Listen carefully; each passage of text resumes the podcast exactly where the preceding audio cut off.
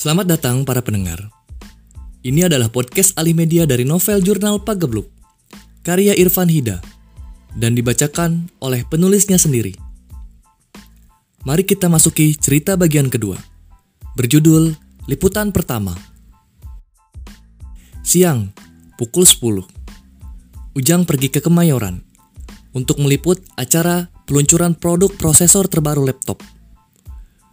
Dengan motor metik warisan almarhum bapaknya, ia melenggang dengan pelan.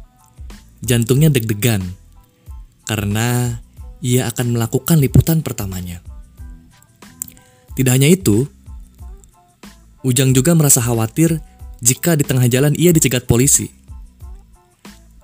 Karena pajak motornya mati dan ia pun belum punya SIM. Ditambah, ia tidak tahu sama sekali jalan menuju ke sana. Untungnya, ada Google Maps, aplikasi penunjuk arah yang mudah digunakan. Ujang tampil rapi dengan celana jeans, jaket denim, sarung tangan, sepatu, helm, dan kartu pers yang menggantung di lehernya. Ia mengatur arah Google Maps dari Ciputat menuju ke Mayoran. Dengan earphone terselip di telinga dan ponsel yang ia kantongi di jaket.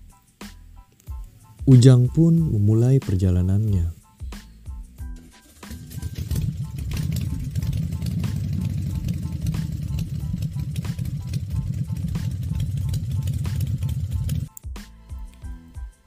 Ia mengikuti instruksi dari ponselnya lewat earphone. Kebetulan, jalanan waktu itu sedang lengang.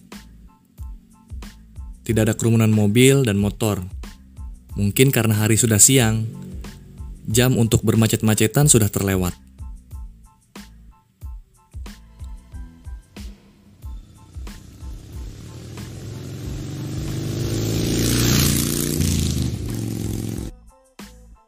Meski tidak macet, uap dari aspal jalanan terlihat dari kejauhan. Nampaknya matahari siang itu benar-benar panas. Sambil mengendarai motor dan mendengarkan arahan dari Google Maps, Ujang mengingat kembali langkah-langkah yang harus ia lakukan saat di lokasi liputan.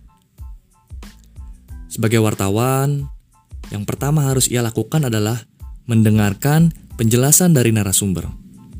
Kemudian, menulis hal-hal penting, membuat pertanyaan, dan mengambil foto, lalu melakukan doorstop untuk melontarkan pertanyaan dan mempertegas angle yang akan ditulis. Semua langkah-langkah itu bergumul di kepala Ujang. Sebagai wartawan anyar, rasa gugup dan takut salah adalah masalah utama Ujang hari itu. Setiap ada yang mengenakan rompi hijau, dari kejauhan, Ujang mendadak grogi. Ia takut kalau itu adalah polisi yang sedang mengadakan razia. Meski saat sudah dekat, ternyata hanya satpam hotel atau tukang sapu jalan. Perasaan itu timbul ke mana pun ia mengendarai motor, yang membuat dirinya selalu was-was dengan rompi hijau. Di masa lalu, Ujang sering terkena tilang polisi, sehingga menimbulkan trauma sampai hari ini. Setelah satu jam, Ujang berhasil melewati tantangan pertamanya sebagai wartawan, yaitu jalanan yang panas, resiko ditilang polisi, macet, dan tersasar. Akhirnya, ia sampai ke lokasi liputan. Sampainya di sana, acara sudah mulai. Ternyata, Ujang telat 15 menit. Ia melewatkan banyak penjelasan dari narasumber Ujang mencoba tenang. Ia mencari tempat duduk ternyamannya. Ujang mengetik hal-hal penting di ponselnya.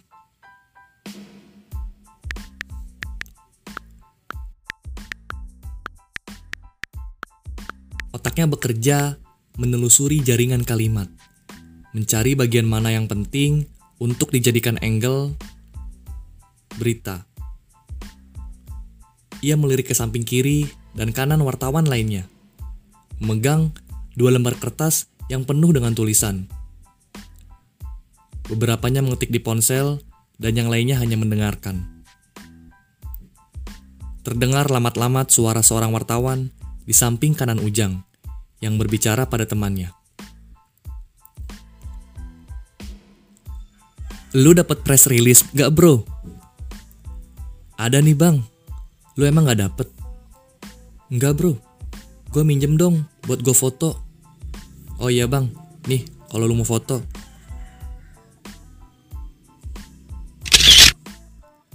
Press release. Ujang mengingat-ingat arti dari kata itu. Seingatnya, ia pernah mendengar kata itu tiga tahun yang lalu. Saat ia ikut demo dengan teman-temannya di kampus. Sebab penasaran, Ujang pun menyapa teman di sampingnya. Bang, maaf, gue boleh foto itu nggak?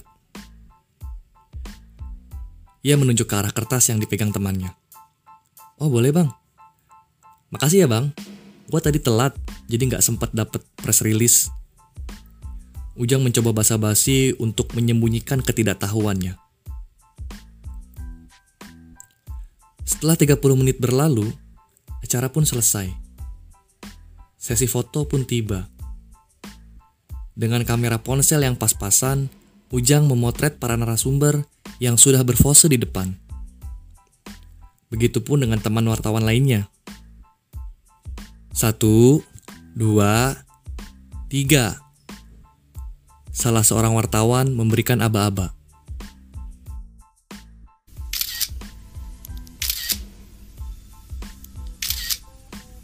Suara dari kamera berkali-kali terdengar, diikuti oleh kilatan sinar. Selesai sesi foto, para wartawan langsung mengerumuni narasumber. Masing-masing mereka bersiap untuk melontarkan pertanyaan. Ujang mendengarkan pertanyaan-pertanyaan yang dilontarkan wartawan lainnya. Mereka nampak sudah terbiasa. Sementara Ujang tidak memberikan satupun pertanyaan. Lagi pula, dia sudah mencatat pembicaraan narasumbernya. Waktu untuk doorstop sudah habis. Narasumber meninggalkan tempat. Rekan-rekan wartawan lainnya langsung mengetik berita. Ada yang menggunakan ponsel, ada juga yang menggunakan laptop. Tangan Ujang gemetar. Ia bingung. Kata-kata apa yang harus ia tuangkan? Bulir keringat dingin menetes dari kening dan jatuh di atas layar ponselnya. Bro, ayo keluar, tempatnya mau diberesin. Rekan wartawan lainnya menegur Ujang. Sudah satu jam jari-jari Ujang menempel di atas layar ponselnya. Tapi baru satu paragraf yang ia tulis. Padahal beritanya harus rilis sore itu juga.